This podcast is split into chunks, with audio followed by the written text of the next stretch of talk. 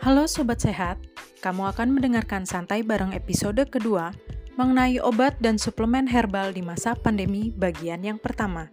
Selamat mendengarkan.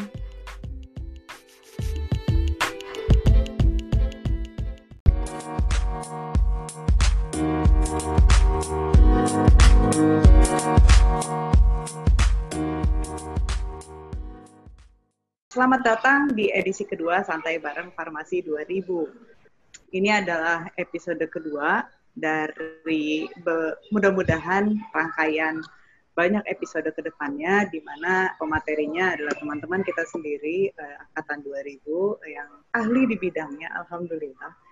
Untuk hari ini bahasan kita adalah santai bareng episode 2 obat dan suplemen herbal di masa pandemi.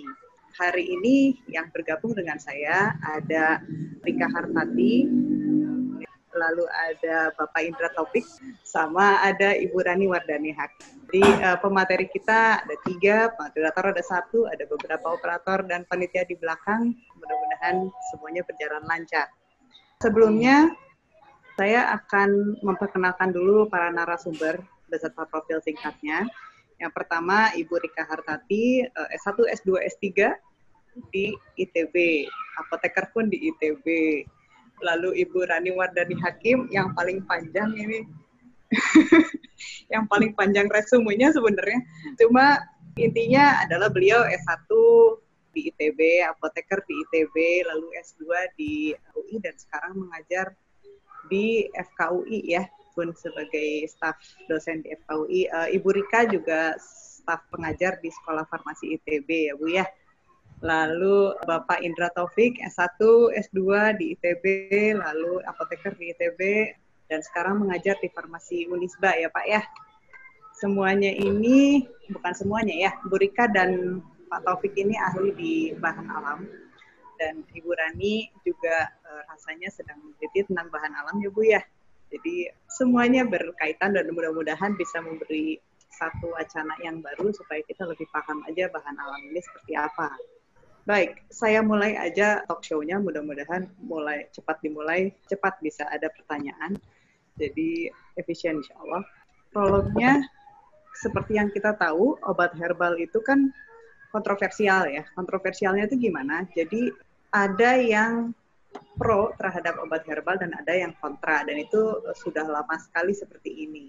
Ada yang lebih pro ke obat kimia dan ada yang tidak. Nah, waktu di saat pandemi di seperti sekarang ini, saat obat yang kimia belum ditemukan untuk pengobatan virus COVID-19, banyak sekali orang yang berpaling, berpaling ke herbal. Bener nggak ya bahasanya berpaling? Berpaling, berpaling ya. Iya, karena karena karena tidak ada yang bisa dilakukan, mereka akhirnya banyak yang ber, beralih ke herbal mungkin ya, beralih ke herbal. Nah, kira-kira yang sudah pernah didengar itu eh, ramuan jahe yang di, diperjualbelikan berupa minuman kesehatan yang diklaim bisa meningkatkan imunitas karena dia meredakan peradangan sebenarnya jadi bukan meningkatkan imunitas tapi ya tentu saja belum banyak yang tahu ya itu kenapa kita hari ini ada ada bincang-bincang santai ini sedikit. Maka barangkali bisa saya mulai dengan pertanyaan yang mendasar sekali kenapa sih? Bukan kenapa ya. Uh, apa sih bedanya obat herbal sama yang biasa? Maksudnya obat kimia. Barangkali bisa dimulai dari situ. Mangga uh, ke siapa dulu? Burika dulu. Burika. Burika.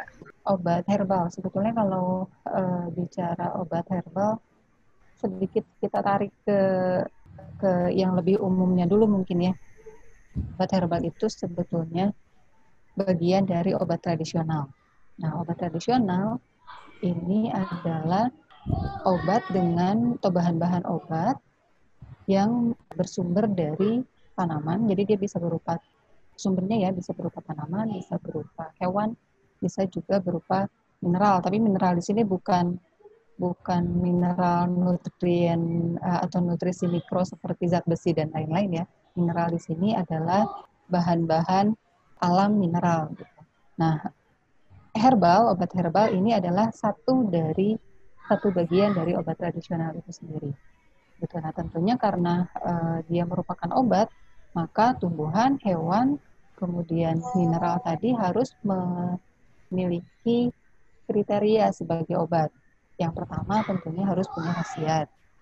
Yang kedua tadi dari sumbernya uh, jelas ya dia bersumber dari uh, tiga yang tadi. Nah, kalau kita bicara tentang khasiat, nah ini obat tradisional ini sebetulnya mungkin nanti bisa uh, menyambung ke penggolongan obat tradisional juga ya. Khasiat ini sebetulnya klaimnya kalau obat tradisional pada dasarnya klaim awalnya adalah berdasarkan data atau informasi turun temurun dari generasi ke generasi paling tidak tiga generasi menggunakan bahan tersebut sebagai uh, obat atau dalam pengobatan. Nah, sedangkan obat konvensional ini adalah obat-obat yang selama ini mungkin kita dapat ketika kita uh, membeli obat di apotik dengan resep dokter gitu ya. Itu adalah di kita mungkin ya men, uh, mengistilahkan itu sebagai obat konvensional. Baik. Nah, gimana uh... kalau kita lihat atau mungkin yang lain bisa nambahin dulu mungkin ya Indra kali Indra. Ada yang mau ditambahin Pak Indra? Atau Bu Rani barangkali ada yang Kit, mau ditambahin? Saya tambahkan terkait dengan obat herbal dan obat kimia gitu ya. Tadi saya sepakat dengan Bu Rika bahwa memang obat herbal ini adalah bagian dari obat tradisional. Jadi sebenarnya bukan bukan obatnya ya. Ada ada beberapa perbedaan sebenarnya terkait dengan kinerja obat tradisional dan obat kimia. Eh, yang mana tadi wajar ya dari Bu Inai mengatakan bahwa ada orang yang antipati nih dengan obat kimia, eh, obat tradisional sehingga tidak mau menggunakan itu. Tapi ada juga yang sebaliknya seperti itu. Nah sebenarnya kita nggak bisa membandingkan keduanya gitu ya, karena keduanya itu bisa digunakan gitu. Jadi kalau kita melihat dari mekanisme kerja, artinya single target itu dia fokus ke satu target utama. Jadi kalau sakit kepala, ya ke situ dia fokusnya gitu ya. Ada yang mengatakan dalam satu buku itu obat kimia itu dia kerjanya itu adalah uh, solo, jadi sendirian gitu. Tapi kalau obat tradisional itu kandungan banyak sekali sehingga kinerjanya itu mereka seolah-olah sebagai orkestra. Jadi banyakkan gitu senyawanya, kerjanya bareng-bareng. Namun permasalahannya apa? Obat tradisional itu kandungan senyawanya itu meskipun banyak, setiap senyawa itu sedikit kecil-kecil sekali sehingga tidak mampu mencapai efek terapi yang diharapkan seperti obat kimia. Oleh karena itu memang obat tradisional itu tidak bisa menghasilkan efek yang e, sesaat atau efek chest plung lah istilahnya itu ya. Jadi kalau orang sakit kepala, orang pegelinu kasih obat tradisional langsung sembuh. Nah, itu harusnya dicurigai. Nah, namun ke mana obat tradisional nanti bekerja? Obat tradisional ini sebenarnya lebih lebih dicocokkan, lebih cocok untuk penyakit-penyakit yang sifatnya itu metabolik dan degeneratif. Artinya penyakit yang membutuhkan long terapi gitu ya, terapi yang sangat panjang. Sedangkan untuk obat kimia ini kalau menurut saya ini lebih diususkan untuk eh, penanganan untuk menghilangkan gejala. Jadi ketika orang sedang hipertensi, sedang tinggi-tingginya tekanan darahnya, maka memang dia harus segera minum obat kimia gitu. Tapi ketika dia ingin e, melakukan apa nama itu perbaikan kondisi hidupnya, nah maka nanti e, dilanjutkan dengan obat tradisional. Jadi tadi saya, e, kita seharusnya tidak bisa membandingkan mana yang paling baik kimia atau tradisional. Itu mungkin naik tambahannya. Jadi kalau boleh disimpulkan tadi kalau dari Indra itu sebenarnya kalau ada segmentasinya sendiri-sendiri ya, yang mana yang memang lebih cocok pakai obat herbal, yang mana yang lebih cocok pakai obat kimia dan itu tidak bertabrakan sebenarnya. Gitu ya. Barangkali ya. ada yang mau ditambahin Bu Rani? Cuma mau menegaskan aja sih tadi udah cukup lengkap kelihatannya dari Bu Rika dan dari Teh Rika dan Kang Indra. Jadi yang harus di highlight itu ini kan kita bicara obat herbal. Jadi obat herbal bagian dari obat tradisional di mana obat tradisional itu sumbernya bisa selain herbal. Tapi hari ini kita akan fokuskan di herbal ya.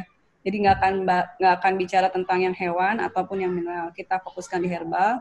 Namanya aja herb, berarti kita udah tahu identik dengan tanaman tadi Kang Indra udah nyebutin bahwa di dalam tanaman itu bedanya dengan obat konvensional adalah ada orkestra. Kenapa disebut orkestra? Karena di dalamnya masih terdapat campuran berbagai kandungan senyawa kimia yang kalau kalau apa ya kalau diterusin gitu proses uh, dalam jangka ya, waktu lama dalam jangka panjang bisa menghasilkan obat itu loh banyak obat-obatan kita yang dipakai sekarang yang konvensional sekarang itu berasal dari tanaman yang dilakukan diberikan perlakuan khusus gitu ya diisolasi, diekstraksi, dimurnikan gitu sampai dapat obat konvensional gitu. Nah, tapi untuk obat herbal ini benar-benar orkestra masih dari herbalnya kita makan. Di dalamnya ada campuran berbagai senyawa kimia dan tadi kalau dibilang orkestra kita juga bilang ada efek sinergisnya ya. Makanya jangan bingung ada yang bilang oh bisa menurunkan tapi menaikkan gitu. Kadang-kadang kan gitu ya. Karena sebenarnya memang iya ada kerjasama beberapa senyawa kimia di dalam obat herbal tersebut karena ada hal tersebut, tadi juga uh, Kang Indra udah bilang, ya sebenarnya kita juga harus hati-hati. Jadi obat herbal tersebut bisa dipakai sama seperti obat konvensional, tapi jangan bilang bahwa obat herbal itu 100% aman. Jadi ini kan tadi Ina yang bicara berpaling nih ya. Orang-orang berpaling dari obat konvensional ke obat herbal gitu. Karena obat COVID terutama di masa pandemi ini obat COVID belum ada. Terus mikirnya oh herbal tuh aman 100% padahal karena ada orkestra tadi berbagai senyawa kimia tadi itu ada interaksi satu dengan yang lain tentunya tentu saja sama kayak obat konvensional. Ada apa ya? Ada apanya ya Kang Indra ya? Uh, Teh Rika ada ada guidance-nya ya, ada guidance-nya gitu yang nantilah kita uh, bicarakan lebih lanjut itu sih yang harus diperhatikan untuk herbal ini gitu dan betul tadi uh, setuju tuh Kang Indra juga bilang nggak cespleng gitu nggak bisa kayak minum paracetamol sakit kepala sekarang sembuh gitu. Justru kita harus hati-hati kalau kita ketemu obat herbal yang seperti itu gitu. Jadi saya sih itu sih, nambahin aja ya. Nah, uh, oke okay. kalau itu obat herbal ya. Sekarang kalau misalkan dengan suplemen, suplemen herbal, karena uh, saya saya kan di apotek uh, ibu-ibu bapak-bapak. Sebenarnya kalau di apotek itu banyaknya malah suplemen herbal ya, bukan obat herbal sebenarnya yang banyak ada itu suplemen herbal. Nah, cuma jadinya ada pertanyaan, apa sih bedanya suplemen herbal sama obat herbal? Apa masih dengan cerita yang sama seperti itu dengan jangka waktu panjang akan berhasiat atau berbeda? Apakah dia lebih cepat kalau dia suplemen herbal karena berupa suplemen atau bagaimana? Kalau kita bilang suplemen, eh, pada prinsipnya baik obat herbal ataupun tidak herbal itu kita nggak bisa klaim dia punya efek tertentu ya misalnya bisa kadang kan kita bingung dibilang suplemen tapi bisa menurunkan tekanan darah gitu jadi kita nggak bisa mengklaim kalau namanya suplemen itu kalau kita baca guidance dari BPOM dia adalah bahan bahan kimia atau ya eh, bahan obat yang bukan bahan obat bahan yang fungsinya untuk membantu meningkatkan misalnya ada penyerapan nutrisi, kemudian meningkatkan sistem imun dan lain-lain. Jadi tidak bisa diklaim sebagai obat tertentu gitu. Ini baik suplemen herbal ataupun suplemen yang lain. Mungkin dilengkapi oleh Terika dan Kang Indra. Ya, Indra dulu enggak? Dengan herbal, eh, kita mengenal dalam istilah sediaan farmasi itu ada namanya nutraceutical dan pangan fungsional ya kalau nutraceutical itu kan satu bahan-bahanan yang bahan yang berasal dari makanan, kemudian dia diambil sarinya, dikemas dalam bentuk sediaan farmasi seperti tablet, kapsul dan sebagainya gitu ya. Dan ada pangan fungsional, kalau ini masih dalam bentuk pangan, namun dia diportifikasi atau ditambahkan sehingga dia memiliki suatu manfaat tertentu. Prinsipnya begini, ketika suatu bahan itu dijadikan sebagai obat, dikhususkan sebagai obat, maka ada enam hal yang harus diperhatikan gitu. Pertama, bahan itu ya harus harus diperlakukan sebagai obat. Kalau memang misalkan dia daun jambu misalkan hmm. ya, dia ingin dijadikan obat, maka dia diperlakukan sebagai obat. Pertama harus ada dosisnya, tepat dosis. Kemudian kalau nggak tepat dosis, ini masalah. Kemudian yang kedua, tepat terkait dengan telah indikasinya. Indikasinya tepat tidak? Contoh misalkan banyak yang menyatakan tadi ya ini sudah membuka jahe sekarang menjadi boom ya gara-gara ada yang mengatakan bahwa jahe bisa menghilangkan COVID. COVID, bisa membunuh hmm. COVID. COVID. Nah, padahal kalau kita telusuri informasinya, ya ini termasuk salah satu terlihat telah tepat telah informasi, ini kan lebih efek inflamasinya sebenarnya dari jahe itu yang diambil. Nah, efek inflamasi itu juga kan itu hanya aku untuk mereka yang uh, ada istilahnya itu uh, terkena badai sitokin gitu ya. Jadi adanya reaksi imunitas berlebih sehingga terjadi inflamasi gitu ya sehingga dengan adanya jahe itu dia menjadi lebih di, diturunkan inflamasinya. Tapi kan itu akan masalah masalahnya buat siapa? jahe itu kalau lihat di Fohai gitu ya, itu dia bisa menginhibisi pembentukan prostaglandin. Ini bahaya bagi mereka yang memiliki penyakit asam lambung. Ini jelas asam lambungnya akan terkambuh terus. Makanya jangan ketika ada penderita asam lambung minum jahe malah tambah perih. Nah, Masalah. sehingga orang yang akan mengatakan, oh berarti jahe nggak aman sebenarnya. Oh, belum tentu. Kalau dia memang tidak memiliki kondisi riwayat penyakit asam lambung ya aman-aman saja. Makanya memang tadi telah eh, tepat telah informasinya, dosisnya, kemudian tepat indikasinya, kemudian tepat bahannya juga gitu ya. Jahe itu ada banyak macamnya, jahe merah, jahe apalagi gitu ya. Jadi bahan itu tidak tanaman. Contoh ya, kemarin yang lucu itu yang itu kan ada yang wangi, yang gajah.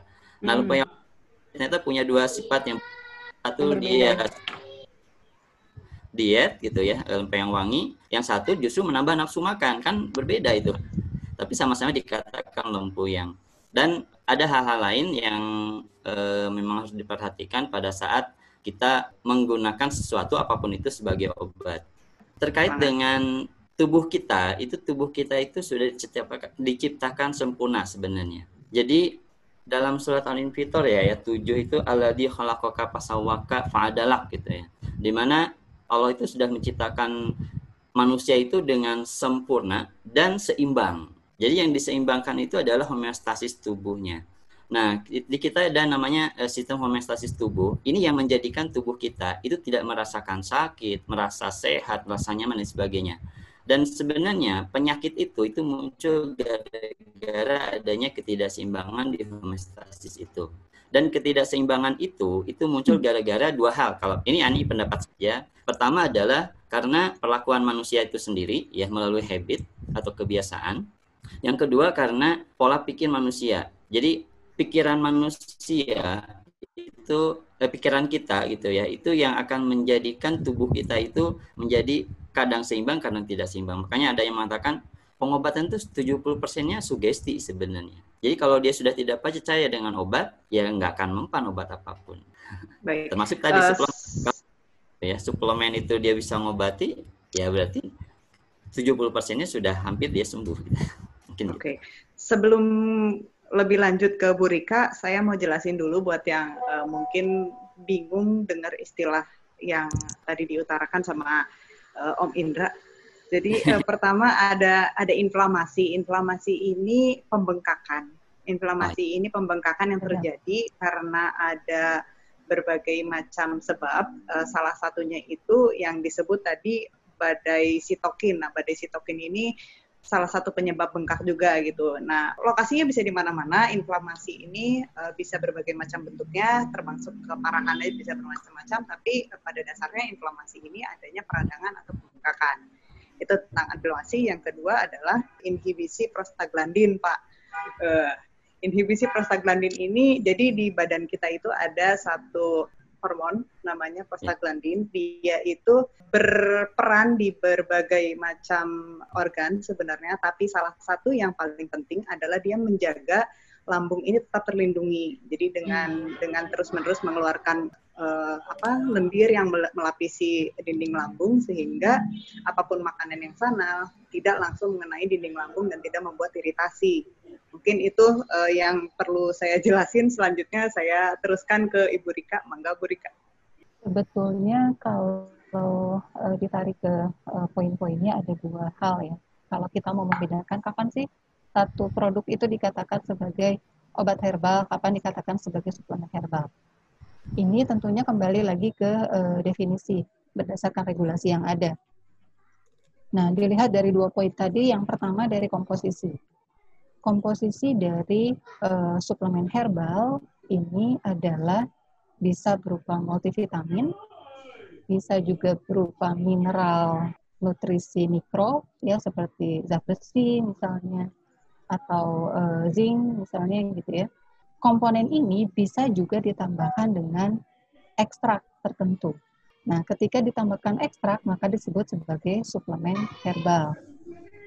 Tapi untuk obat herbal tidak bisa dikatakan obat herbal ketika di dalamnya ada vitamin, ada tambahan zinknya, ada tambahan mikronutriennya. Itu sudah tidak bisa lagi dikategorikan sebagai uh, obat herbal atau obat bahan alam. Itu dari sisi komposisi. Kemudian dari sisi kegunaan. Nah, karena tadi kalau kita lihat komposisinya ada vitamin di sana, ada mikro ada nutrisi mikro ya seperti zinc atau zat besi. Maka salah satu kegunaannya adalah untuk memenuhi asupan gizi. Itu bisa difungsikan pada suplemen herbal.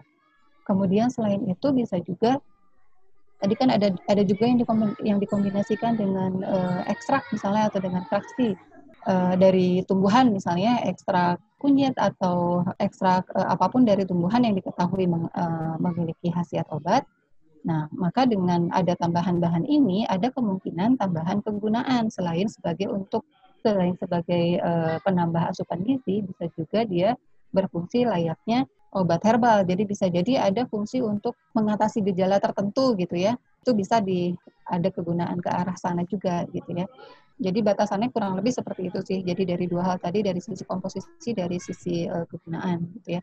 Untuk titik-titik kritisnya adalah komponen multivitamin dan teman-temannya juga mineral sebagai nutrisi mikro.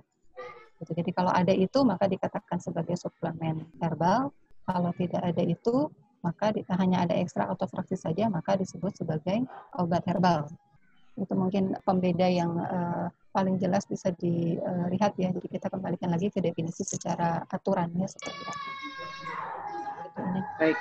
Uh, lalu kalau boleh dikaitkan dengan kondisi sekarang ya, apa sih yang yang jadi kekhawatiran atau concern teman-teman sekalian di era sekarang ini. Jadi penggunaan herbal baik dia sebagai suplemen ataupun obat, lalu yang terjadi di masyarakat itu ada nggak hal-hal yang pengen di highlight atau yang sering menjadi kekhawatiran gitu supaya kita sharing aja di sini.